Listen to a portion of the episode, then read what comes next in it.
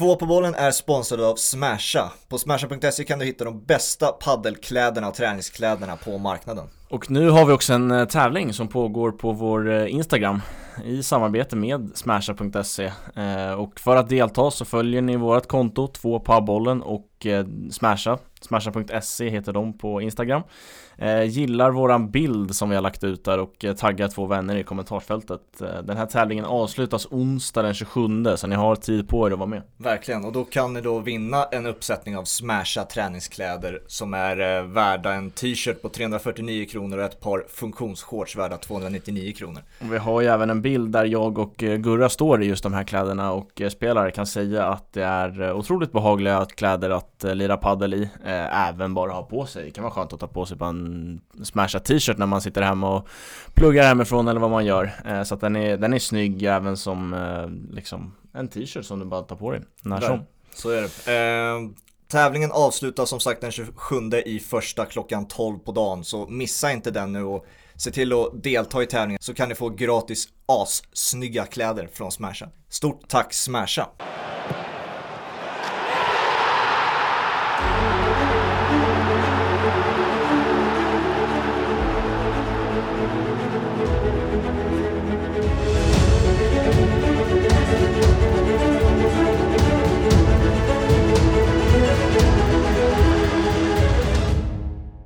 Hej och välkomna ska ni vara till två på bollen avsnitt 82. Det är jag som är Fabian Norlund och med mig som vanligt har jag Hampus Zackrisson. Jajamän. Och idag efter eh, många försök ska sägas och eh, lite tekniska problem och så vidare så har vi faktiskt med oss eh, Bosse Pettersson på länk. Hur är läget? Jo men det är jättebra. Eh, riktigt, riktigt bra faktiskt. Lite, lite tråkigt eh, just nu då när eh, den här fina vintern håller på att försvinna här borta i Sörmlandsskogen där jag numera bor. Eh, det är ju regn i luften men eh, personligen så eh, jag mår jättebra. Eh, och ehm, förutom den här besvärliga perioden vi har nu då i eh, eh, våran pandemi och alltihop det där så går jag ju och väntar på att få vaccin så jag kan börja och funka normalt igen. Det ser jag fram emot och det är väl många som gör. Är det där du har karantänat i, vad är, var, var är du befinner dig? Sör, Sörmland eller vad? Ja, det är egentligen mina föräldrars sommarställe sedan 60-talet så att jag har varit på den här platsen sedan eh, mitten på 60-talet. Den ligger utanför Mariefred. Men jag flyttade permanent hit eh, 2004. Mm. Så att eh, sedan 2004 har jag varit här ute bland bofinkar och hackspettar och harar och rävar och älgar och lite annat fint. Så att, eh, jag har ju varit en storstadsmänniska ja, genom hela livet egentligen. Jag är uppväxt på södersidan i Stockholm i Gubbängen. Men eh, jag trivs väldigt, väldigt bra här ute. Hur har fotbollsbevakningen gått då, där borta under karantän under 2020?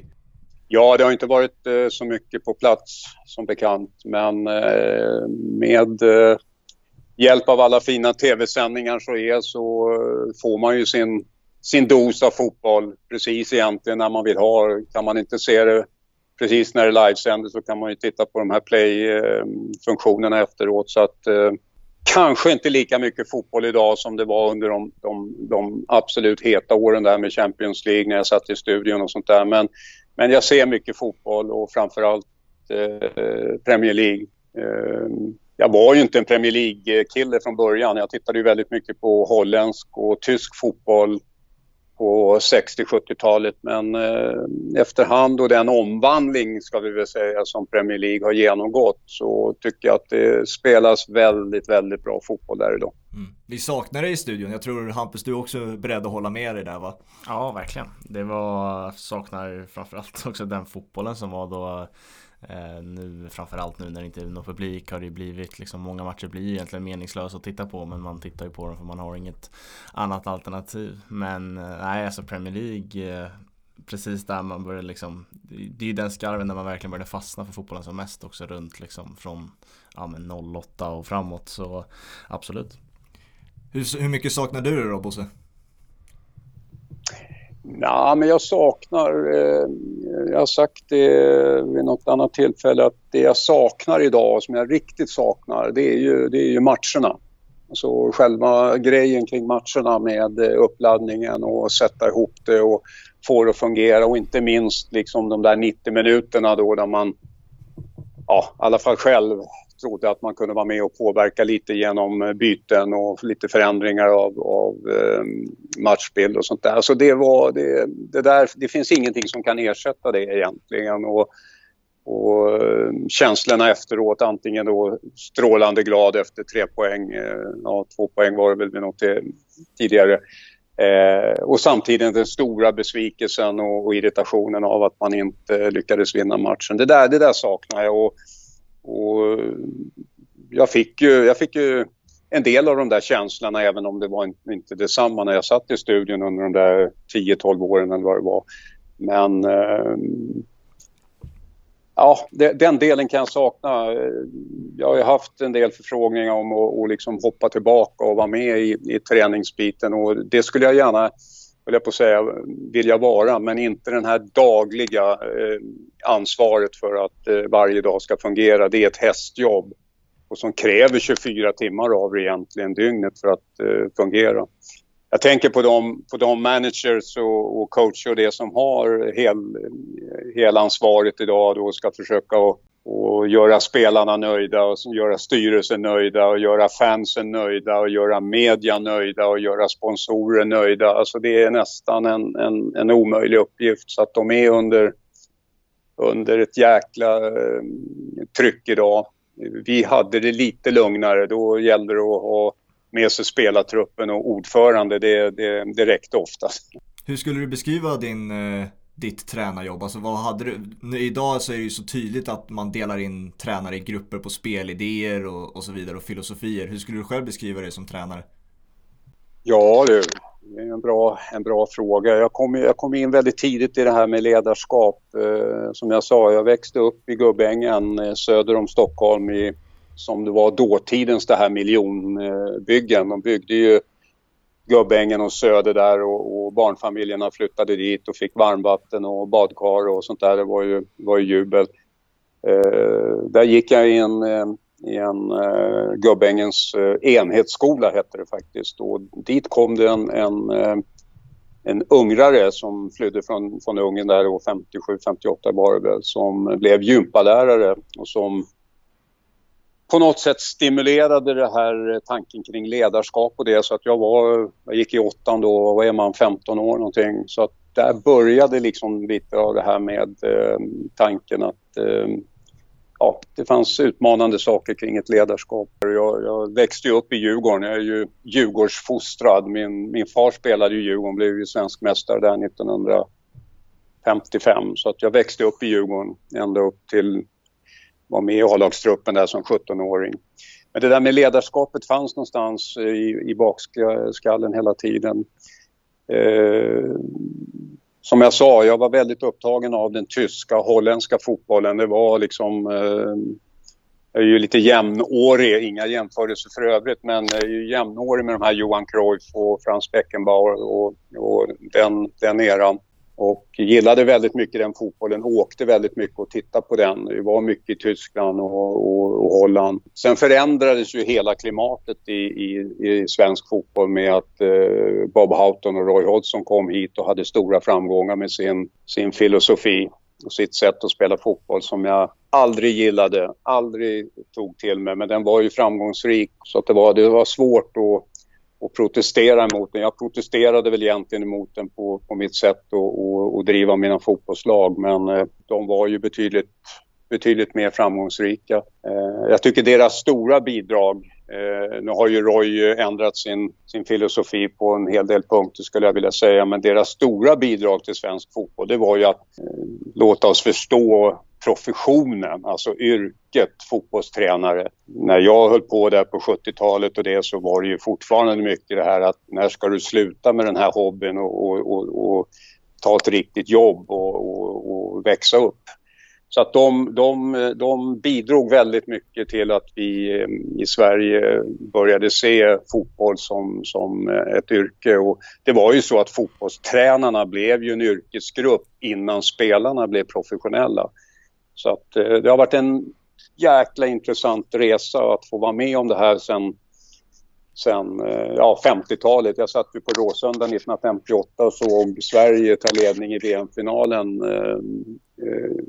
Mot Brasilien. Så att jag, jag har ju fått ett hyggligt perspektiv på, på fotbollen och hur, både hur fotbollen och, och hur eh, branschen har utvecklats till, till eh, att vara en, en, professionell, en fullvärdig professionell eh, bransch idag. Det var inte så mycket svar på din fråga om det Men jag vill påstå att jag har, jag har ju spelat eh, eh, ganska mycket och, och, och, och, har alltid gillat och jag, jag såg den här SV, SVT-serien med Tobbe Nilsson, jag vet inte om ni kollade den? Vad hette den nu? Jag tror inte jag, jag missade den, men det var så här först till målet eller vad fan? Ja, målet till målet. Så hette det. Ja, det var en jäkla bra rubrik på det. Va? Och han sa ju många bra saker i den där serien tyckte jag. Framförallt så, så menar han på att hålla på med fotboll och inte få räkna mål. Det är ju helt eh, Eh, galet. Hade, hade, hade någon förbjudit mig att räkna mål så hade jag aldrig fortsatt med fotboll. Det tyckte jag var ett sånt där statement. Eh, en annan sak som han sa, som jag tycker om för att knyta tillbaka det här med spel, det han sa så här att han sa till sina tjejer och killar där som han coachade då att ni måste lära att, och tycka om att lura motståndaren. Alltså det, det är liksom hela fotbollens grundidé att, att lura motståndaren. Och det är det jag tycker är lite av, av, eh, av eh, grunden när det gäller eh, fotbollsfilosofi och fotbollsidé. Det är att det, det är kreativiteten överraskningsmomentet och spelet. Sen har ju, sen har ju fotbollen utvecklats väldigt mycket nu taktiskt och, och det finns idag väldigt mycket statistik och, och enorm kunskap, eh, till och med vetenskap som, som styr väldigt mycket. Och, och mm, men eh, jag har gillat spelet och jag har gillat eh, de spelare. Det är därför jag fick, jag fick ibland väldigt mycket på skallen under de här åren i, i studion där jag där jag, eh, folk uppfattade mig som att jag tog parti eller tvärtom mot lag, alltså att jag inte gillade Liverpool. Jag gillade inte United för att jag liksom hade då en del kritiska synpunkter. Jag har aldrig haft den där riktigt eh, djupa känslan för några lag. Egentligen inte de jag har tränat heller utan jag har haft mera känsla för de individuella spelarna och hur, eh, hur de tar sig an själva, själva spelet och sporten. Så att jag har gillat Paul Scholes och jag har gillat Steven Gerrard och Wayne Rooney, bla bla bla, alltså oavsett vilka, vilka, vilka lag de har spelat och, och utan uppskattat artisteriet i fotbollen. Det tycker jag har varit grejen. Sen lärde jag mig naturligtvis under resans gång att vinna matcher när du tränar ett A-lag och, och, och ska vinna serier med uppflyttning och allt det där. Det, det är jätteviktigt. Skulle jag sammanfatta det på något sätt så, så tror jag ändå att det är att hjälpa dina spelare och hjälpa din klubb till att vinna matcher. Det, det, det var nog någon form av grund, grundidén. Det, alltså det här med att gilla individuella spelare, det är precis så jag väljer att se på fotbollen numera. För att, och det får jag mycket skit av eh, Hampus och andra, liksom att man måste ha ett lag så att säga. Och jag har inte haft något lag liksom, genom livet, utan jag, som du säger, gillar att se fotboll och individuell kvalitet. Så därför kanske om man kopplar återigen till tränare så förstår jag förstår det så att antagligen så är de här självklara defensiva och tråkiga spelidéerna som Mourinho och så vidare, du är inte så stort fan av dem? Nej, men jag tror att eh, jag tror varje tränare på något sätt Alltså man kan säga så här, det, det, den stora skiljelinjen mellan fotbollstränare idag det är att man tror på alltså, modellen. Man har en modell som man driver till till det absolut yttersta. Och sen har man då den andra där man anpassar sin, sin eh, modell och kanske också sin idé till de spelare man har.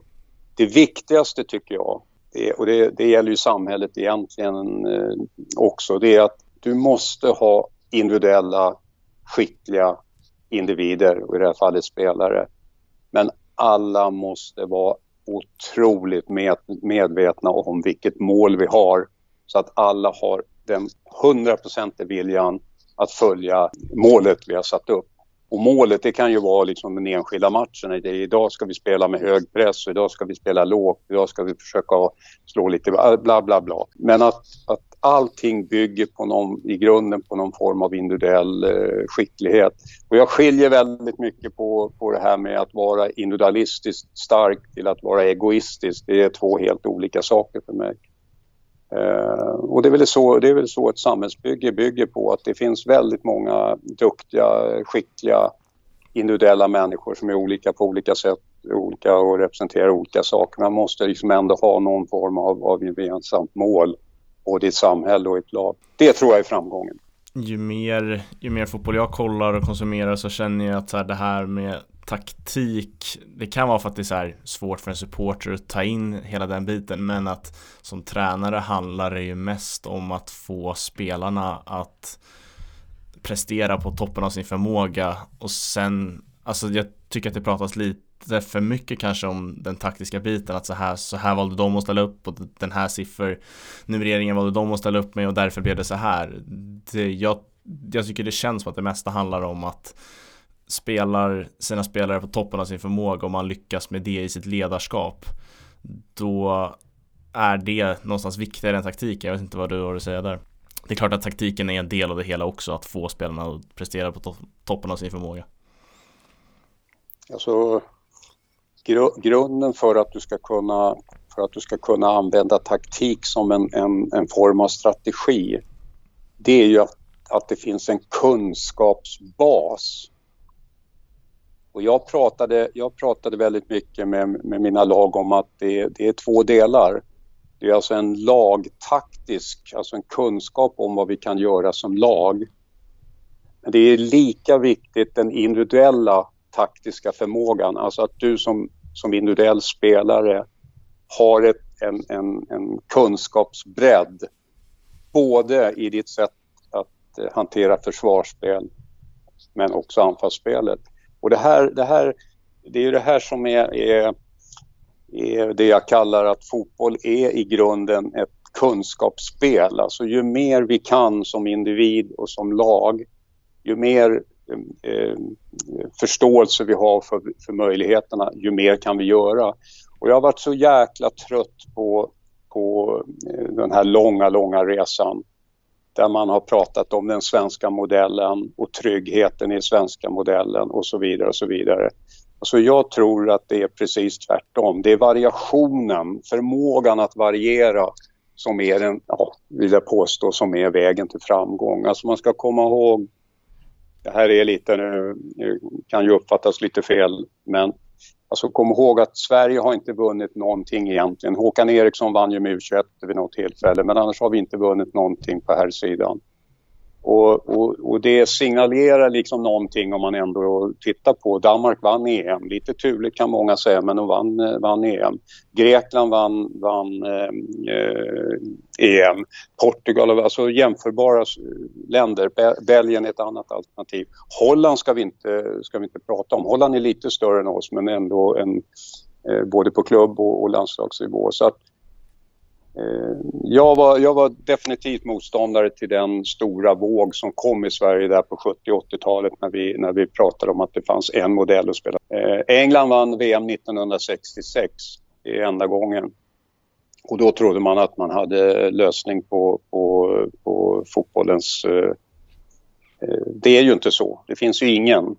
Vi ser ju vad som, vi ser ju vad som händer nu det här enorma possession-spelet med passning i sidled bakåt till och med två egen målvakt och alltihop. Det kommer att komma motdrag emot det här. Eh, och där tror, jag, där tror jag att en faktor kommer att vara den individuella skickligheten. Där alltså det, det finns spelare, de bästa exemplen är naturligtvis Messi, Maradona, men jag tror att, jag tror att det, kommer en, det kommer en framtid där ungdomstränare kommer att inse att det är just den vägen vi ska gå nu. Vi ska försöka få de här 10, 12, 13, 14-åringarna att bli ännu mer skickliga individuellt än att hålla på med, med, med passningsövningar där passningar, passningar, ett och två tillslag, pass, pass, pass, pass. Om jag lever så, så kommer jag få se. Men jag tror att det kommer att bli motdraget. Större individuell skicklighet och det tror jag är Sveriges eh, gång. Jag ser de här svenska killarna som är ute nu Kolosevski och, och Quaison och, och, och, Isak och de här. Alltså de är i grunden väldigt, väldigt individuellt eh, skickliga och det gör att de är där de är. Alltså på, tal, på tal om eh, Kulusevski då, om vi tar lite aktuell fotboll så vann ju han eh, sin första trofé på onsdagskvällen, en Coppa Italia. Förhoppningsvis för oss svenskar en av många troféer han vinner. Hur har du sett på, om vi pratar just individen Kulusevski, hur har du sett på den, alltså den utvecklingen han har, han har haft under året 2020 och förhoppningsvis fortsätter ha 2021? Ja, men jag delar, delar eh, de flestas uppfattning att här har ju så när Janne Andersson tog över landslaget så, så eh, var vi några stycken som satt och sa det att det är, är det här rätt tid för Janne? Titta på vilken forwardsuppsättning han har. Han har alltså John Guidetti och, och, och Marcus Berg. Eh, vi hade då ett bra mittlås och sådär. Eh, nu när man tittar på landslaget idag, alltså vilka offensiva killar vi har på gång. Alltså med då eh, naturligtvis Kulusevski, med Isak, med Quaison, med Kristoffer Olsson, med, med eh, Viktor Claesson, med flera. Det finns ju flera sådana här. Det gör ju helt plötsligt att ja, Emil Forsberg är eh, en stor, en stor eh, fan av. Eh, ska de här killarna, ska de in i den svenska modellen eller ska vi anpassa vårt sätt att spela lite beroende på motståndare och vad vi är och på de här killarnas eh, eh, individuella skicklighet? Jag delar inte Janne Anderssons uppfattning att, att Emil Forsberg är en kantspelare i 4-4-2. Och det tycker jag hans, eh, hans vardag nere i Leipzig visar. att det, det, det, är en, det är en hämmande position för Emil Forsberg i sitt sätt att eh, att utveckla eh, sin offensiva del och så vidare. Men det här är ju, det här är ju naturligtvis en, en, en ständig diskussion och den mår fotbollen jäkligt bra av att den diskussionen pågår. Och det fanns en tid i svensk fotboll där, där diskussionen var eh, enormt högt i tak. Eh, och det borde den fortfarande vara. Det borde diskuteras ständigt och jämt. Eh, är det är det en modellfotboll eller är det en fotboll som bygger på mera flexibilitet och, och på spelarnas skicklighet? Intressant eh, diskussion. Jag tyckte ändå att i det här Nations League-gruppspelet som Sverige hade med en extremt tuff grupp så var det några matcher där där Jan Andersson kanske valde fel matcher att göra i men det var några matcher där jag tyckte han gick lite mer framåt och tog tag i bollen på ett annat sätt och sen fick vi ju liksom betala för det för att vi mötte för skickliga lag. Eh, så att jag hoppas inte att han liksom skräms av det. Liksom, jag vill att han ja, applicerar den Eh, den taktiken att liksom ta tag i mer boll än vad Sverige kanske brukar göra mot de sämre lagen. Eh, så att jag hoppas inte att det blir liksom någon, att, det, att han skräms av det för att vi torskade mot, eh, vad var det, Frankrike, Portugal, Kroatien. För att det är egentligen inget konstigt för det är bättre landslag. Men jag tyckte ändå det såg lovande ut i perioder och mer offensivt och rolig fotboll vad det nu är. Men hur ser du på det då Bosse om du ska om vi möter ett land som Frankrike som är på pappret bättre än oss spelmässigt. Alltså som du har varit inne på, den svenska modellen har ju då varit att acceptera det och ta eh, fem steg bakåt och samla ihop kollektivet och försöka försvara så gott det går. Tycker du ändå att man ska alltså, utveckla den här, eh, den här mer frejdiga fotbollen och försöka vinna på det sättet istället? Eller hur står du mellan de två valen när du ändå är i ett mästerskap och ska försöka ta, ta det så långt som möjligt i en turnering? Ja, jag, bara, jag är alltså uppväxt i, eh, i den här perioden där man pratade om att eh, vi hade fel klimat, vi hade fel gener. Ja, det var allt, allt, allt som man liksom skyllde på att vi inte kunde vara konkurrenskraftiga. Samtidigt som fotbollen höll på i den här diskussionen så fick vi fram Gio Wallner som världens bästa eh, pingespelare i världens svåraste bollsport eh, Annika Sörenstam, eh, en av dem var Björn Borg. Alltså det finns en massa exempel på där, där individuella eh, sporter fick fram världsstjärnor i, i alltså väldigt, väldigt svåra. Så att det här med att vi har fel gener, bor på, på fel eh, klimatzon och allt det här har väl under resans gång eh, plockats mer och mer bort. Men, men eh, eh jag tycker ibland att det känns som svensk fotboll är väldigt nöjda med att gå till slutspel Eh, det inbringar väldigt många miljoner som används i, i eh, flesta fall till bra saker. Eh, så att det, jag och det här är ju framförallt då på, på, på utbildningssidan, att det ges signaler som jag varit inne på ner till de som håller på och utbildar bildar barn och ungdomar idag att tro på att svenska spelare kan bli lika bra som franska spelare eller som holländska spelare eller som tyska spelare. Eh, eller som kroaterna, alltså ta, ta Kroatien och Serbien, alltså de här länderna som producerar världsstjärnor efter världsstjärnor efter världsstjärnor och är, är mm, mindre länder. Och då finns det de som säger ja men deras sätt att driva med utslagning, att ja men det är klart att vi ska inte ta, vi ska inte ta de dåliga, dåliga bitarna från de här länderna utan vi ska ju ta de bra sakerna. Men att de har lyckats eh, någonstans i sin utbildning att eh, locka fram eh, eh, världsstjärna efter världsstjärna. Så att eh, jag tycker vi, och vi kanske, vi, eller kanske, vi, vi är på rätt väg på något sätt. Det känns ändå som att vi är på rätt väg men vi skulle behöva bli ännu tydligare. Eh, nu har man ju ändrat på, på eh, sättet att träna på, på, på barn och ungdomssida och, och, och, lagt upp eh, från förbundet väldigt seriösa planer på hur det här ska ske. Men jag, jag, jag, saknar någonting i det här och det är just den här, den här individuella skickligheten. Eh, ta den här killen som, som firade stora triumfer på Idrottsgalan här nu då, Duplantis. Så han började hoppa stav vad jag förstår när han var tre år och eh, med stöd av föräldrar och allting och han verkar ju vara en ganska välmående kille. Eh, det är lite det jag tror att lagsporten och framförallt då fotbollen, eh, de andra kan jag inte så väl va, men alltså vi behöver, vi behöver utbilda bättre individuellt i tidiga, tidiga år för att på det sättet eh, få fram de som är absolut bäst och jag tror eh, skulle höja ambitionsnivån lite för som sagt summerar man alltihop, vi var i VM-final 1958 men det är ju ett tag sedan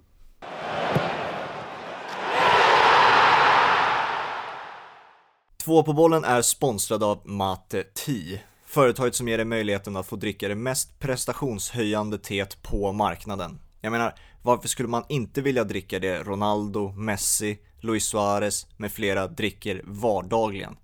Köp ditt mate-te på mateti.se och använd koden 2PABOL för 10% rabatt på alla produkter. Tack Mate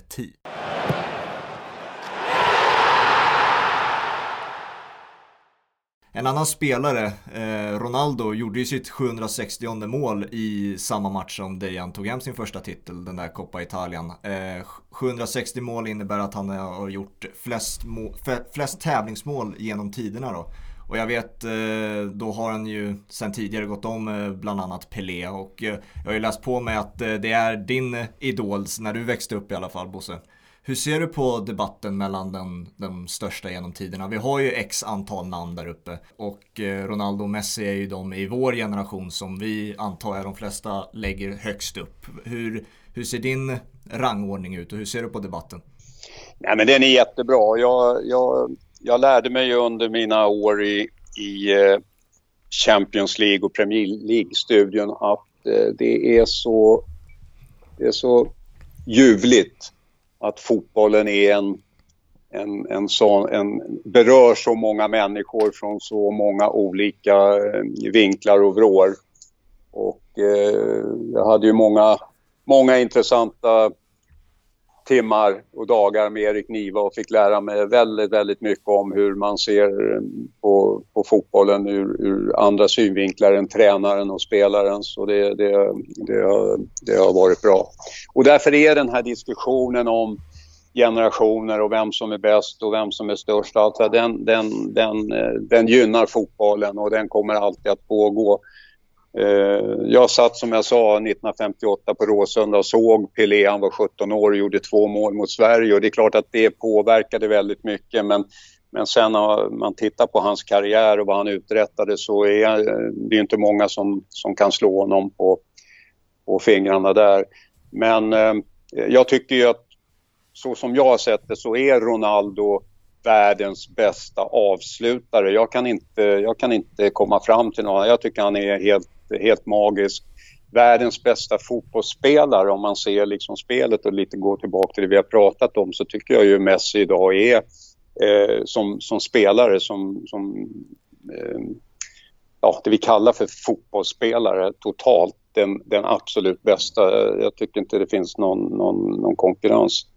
Men sen tycker jag ibland att man glömmer bort en spelare i det här. Han hade ju, han hade ju mycket kortare period egentligen och, och, och eh, hade ju lite trassligt hit. Naturligtvis eh, Brasse Ronaldo får man inte glömma men en, en, en favorit, en riktig favorit är ju Ronaldinho. Mm. Som jag tycker under, under en period var sagolik och sättet att spela och med alltid ett garv på, på läpparna och kunde lura människor eller spela motståndare både en och två gånger med tunnlar och liksom garva åt det och så här. Så det, det, det en, han personifierade på något sätt det som, som jag gillar bäst med, med fotboll. Eh, men jag menar de här eh, Maradona har ju ett, eh, ett eget kapitel och gjorde saker på en fotbollsplan som, som han egentligen var ensam om. Jag nämnde Johan Cruyff och, och Franz Beckenbauer var ju två väldigt, väldigt bra, Zinedine eh, så vidare. Så att det, fin det finns många som, som har glatt oss men skulle jag tvingas till någon, någon sån här form av, av lista så skulle jag nog ändå sätta Pelé där och det, det hör ju ihop med hans, eh, hans antal mål och VM-titlar och var ju, var ju väldigt, väldigt bra även eh, upp i ålder och sådär ja, det är intressant eh, och det, det, blir ju, det blir ju en omöjlighet. Det är någon som säger ja men Pelé skulle ju inte kunna klara sig idag med det tempot och det, den fysik och det. Så, ja, det, det är en omöjlig diskussion tycker jag. Utan varje generation får ju liksom titta på, på sina. Men vi ska vara jätteglada över att de här, de här spelarna har funnits och varit stora idoler och inspiratörer då till, till många. Alltså den här diskussionen om vem som är världens bästa fotbollsspelare den är ju intressant för det finns så många olika svar och det finns ju egentligen Alltså jag har ju sagt förut att det inte finns något fel svar. Det finns ju såklart. Det finns ju spelare som inte är världens bästa men bland de du nämner så är ju inget ett fel svar. Eh, jag ser ju Jag kan egentligen bara liksom jämföra Messi och Ronaldo för att det är det enda som känns rättvist Det är de enda spelarna jag har upplevt av just de där. Pelé, Maradona, Cruyff de kan jag bara egentligen lyssna kring och lyssna om och ta in. Eh, men jag kan inte ta med dem i en beräkning om vem jag tycker är världens bästa fotbollsspelare. Men jag håller ju egentligen liksom Messi som världens bästa, alltså den största talangen. Eh, men sen håller jag Ronaldo som liksom världens största, eller om man ska ta det på engelska, greatest. För jag tycker att engelska lingot gör det ordet mer rättvist. Eh, för att han har en förmåga att liksom kliva fram i de stora stunderna eh, på ett större sätt än vad jag tycker att Messi har. Eh, men alltså, jag är väldigt glad över att jag fått uppleva Messi och Ronaldo under så många år och hoppas få uppleva några år till. Jag tycker också att man fastnar ofta i diskussionen om troféer. Eh, lite felvinklat tycker jag. För att eh, Messi och Ronaldo, oftast säger man det till Messis alltså, misslyckande att han inte har vunnit en titel med Argentina ofta. Och därför kan inte han vara störst genom tiderna. Jag menar, då är ju då Per Mertesacker störst, eller större än Messi då. Eftersom att han har vunnit en VM-titel men inte Messi. Eh, och nu är det en väldigt hårdragen jämförelse såklart. Men alltså den här diskussionen är liksom väldigt bisarr på det sättet att det ska Visst, det är en lagsport, men nu är det faktiskt individer vi pratar om och det är väl där som många har svårt att skilja på den debatten antar jag. Vad säger du Bosse?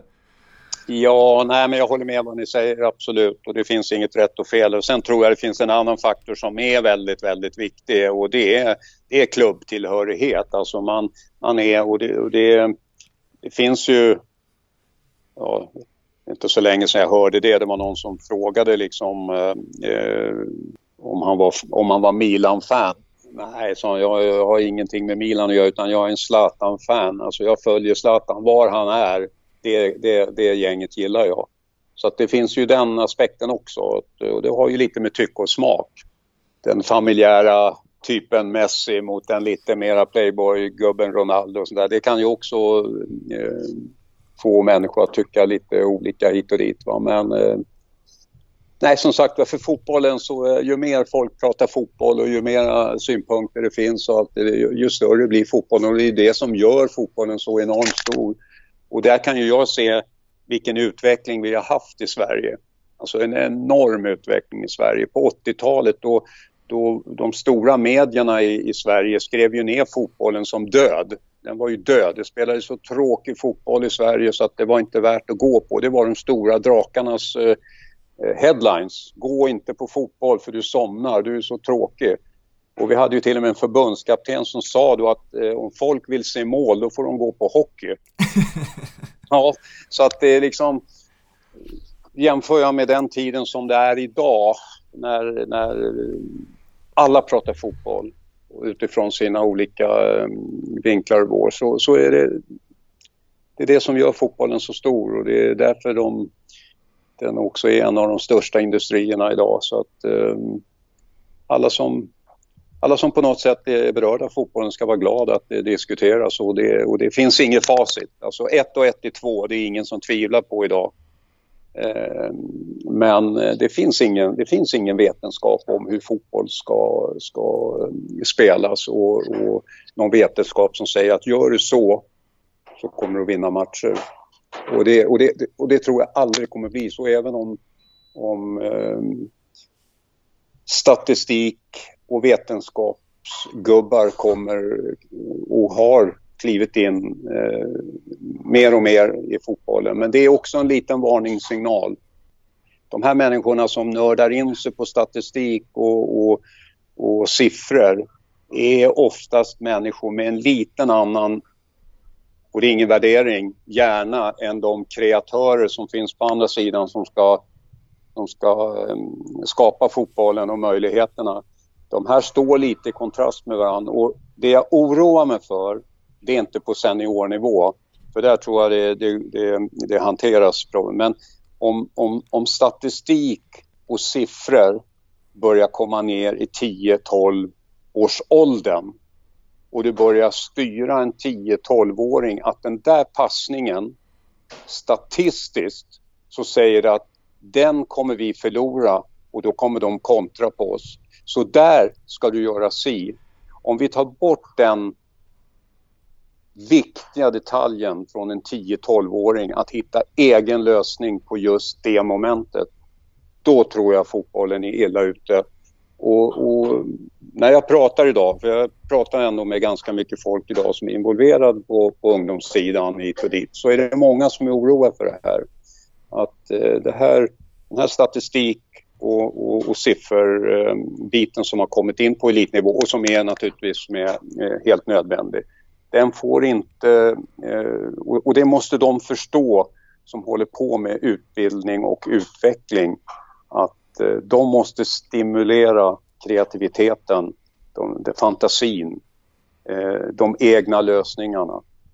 Då kommer vi få fram flera Kulusevski, då kanske vi matar fram dem. Jag menar, man ska veta att Sverige är unika idag med att, att, ha så mycket barn, både tjejer och killar, i fotbollsverksamhet. Vi är ju helt unika i det. Men om vi ger dem fel utbildning, om vi ger dem fel eh, saker att tänka på, då, då, då kommer vi inte att eh, avancera så mycket längre från där vi är idag. Intressant att du nämner det här med statistik för när vi hade Hasse Backe i podden så sa han också det att eh, statistiken är säkert jättebra och man får inte glömma ögat. Eh, och för mig blir det ur en supporter liksom, perspektiv och en fotbollskonsuments perspektiv att jag ser på Twitter de här liksom, expected goals och eh, passningarna och present och sådär. Eh, passningar, inte sista tredjedelen och allt det där. Men sen också se matchen eh, och liksom gör min bedömning av spelare där. Så att Äh, det är intressant att få båda delarna för att jag kan ju tycka att en spelare är usel eh, i själva matchen första halvlek och så går man in på Twitter och så ser man att statistiken ser ganska bra ut och så här, vart, vart ställer man sig då i bedömandet av spelaren? Det blir, eh, det blir en intressant debatt även för en liksom, supporter och en fotbollskonsument. Ja, absolut. Det, finns, det finns värde. Jag har sysslat med med statistik eh, och, och eh, länge, långt bak i tiden för jag tycker att den, den finns ett värde framförallt att visa spelare på att, att okej okay, vi torskar matchen idag men vi hade så och så många avslut och du och du hade så många och de såg ut på det och det sättet så att absolut som ett verktyg. Men min poäng är att, att man måste använda det varsamt på, på de här åldrarna där, där kreativitet och finurlighet, alltså jag går tillbaka till det Tobbe Nilsson sa. Alltså viktigast är det att förstå att det är skönt att lura en motståndare i fotboll. Det är det vi måste stimulera på de åldrarna. För då kommer vi att få fram... Eh, jag kommer ihåg, att jag jobbade uppe i Tromsö under en period och, och norrmännen var då och tycker jag är fortfarande kluriga på många sätt. Men jag var och lyssnade på ett föredrag med den här skidåkaren Vegan Ulvang. Jag vet inte om ni kommer ihåg honom, men det var ju en, det var en sån här som, ja, en av alla, alla norrmän som har kommit fram. Han, han menade på att, att ledarskapet får aldrig glömma att det är de aktiva som står för utvecklingen. Och, det, och jag kommer ihåg det så väl, det här är ganska länge sedan, men jag kommer ihåg så väl när han säger det här, det blev så tydligt att tro inte att det är du som, som ledare, tränare som för utveckling utan det är, är de aktiva, de som hittar nya lösningar. Björn Borg kom med en dubbelfattad backhand. Alltså enligt alla skolböcker som överhuvudtaget har skrivits i tennis så kan man inte spela en backhand med, med en dubbelfattning. Det går inte. Men han vann fem Wimbledon eller vad han gjorde. Så att det, det är jätteviktigt och jag tycker framförallt på ungdomssidan, de som håller på med, med de här rollerna, måste förstå det. Att det, det är din uppgift, det är egentligen att stimulera det där annorlunda, det som gjordes va? istället för att nej men där ska du spela en passning och det, va, alltså, vi måste minimera risken. Så spela bakåt istället. Ja mm. men målet står ju där, ska jag spela bollen bakåt? Ja.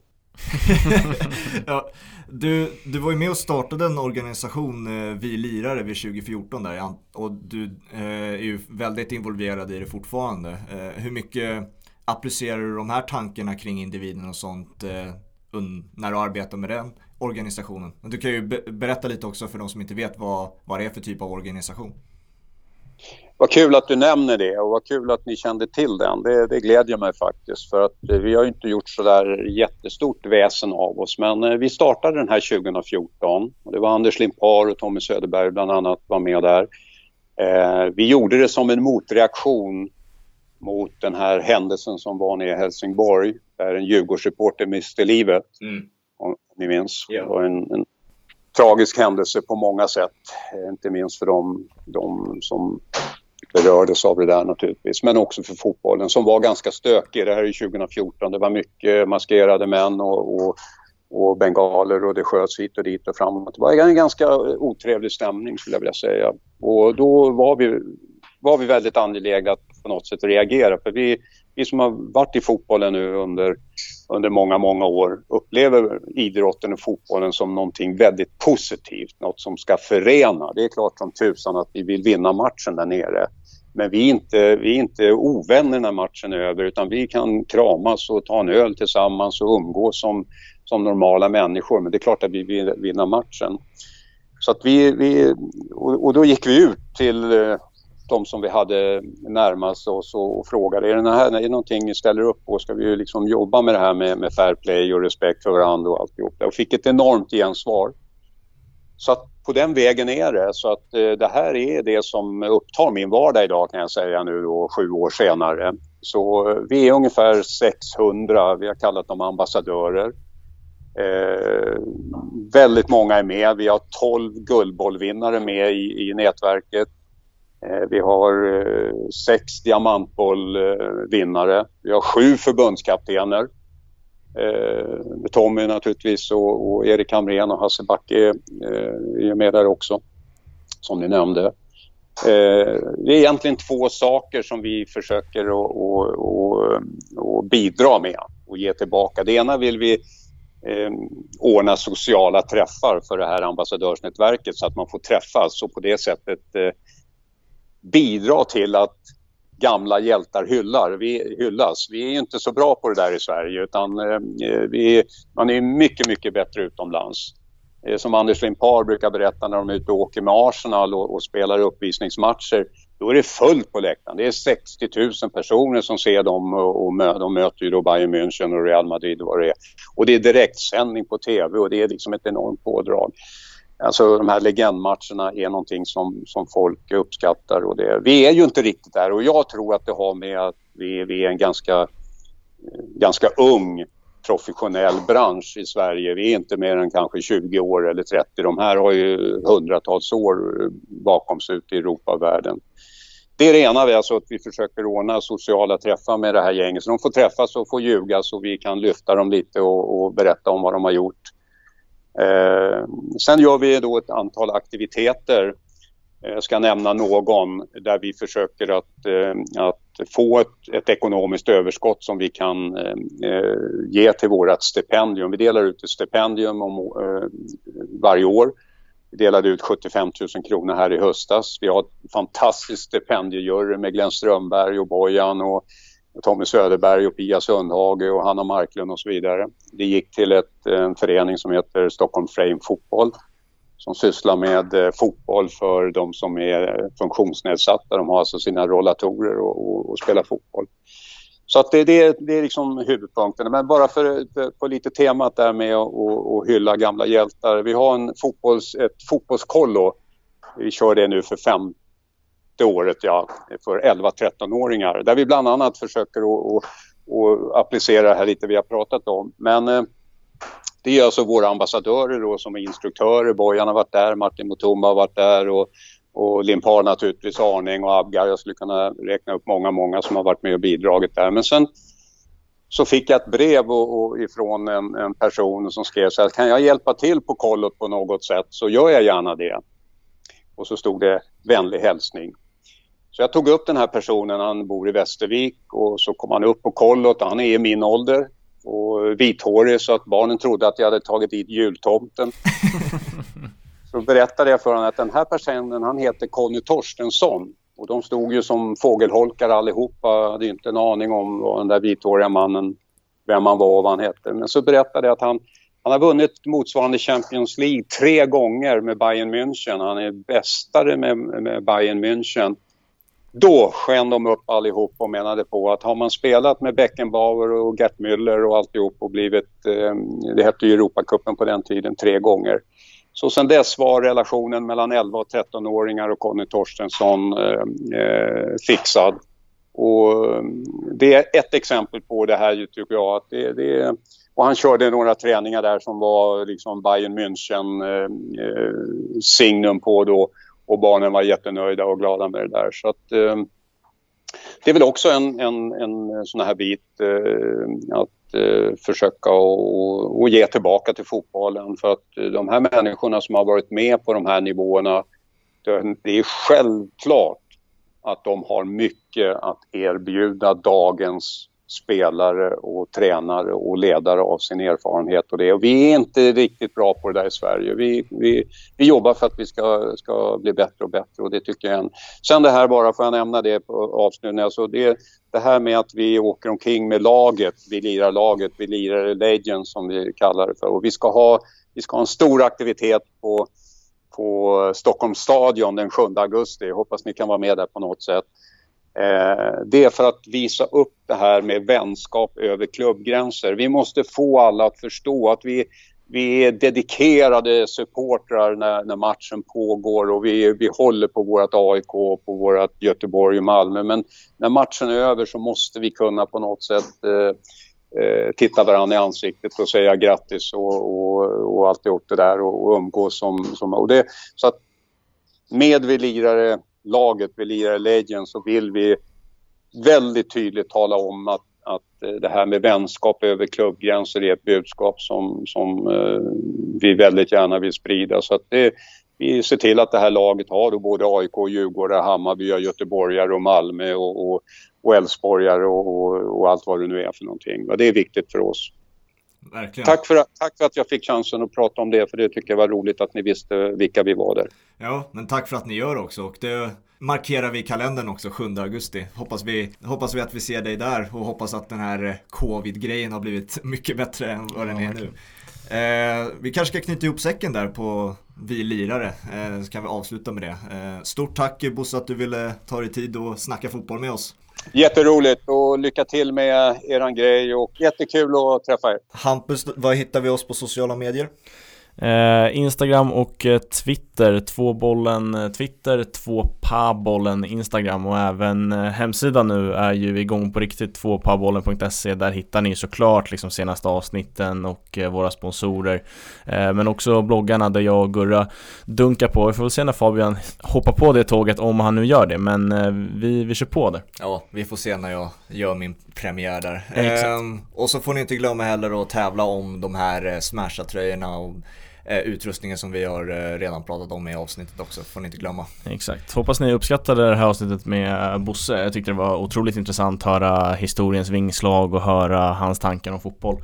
Eh, var eh, intressant att bara i stunder eh, luta sig tillbaka och lyssna. Verkligen, eldsjäl om fo- eh, inom fotboll, det är, Verkligen. så är det. Eh, vi hörs igen på tisdag, så får ni ha det så bra tills dess. Det gör vi. Ciao! Ciao!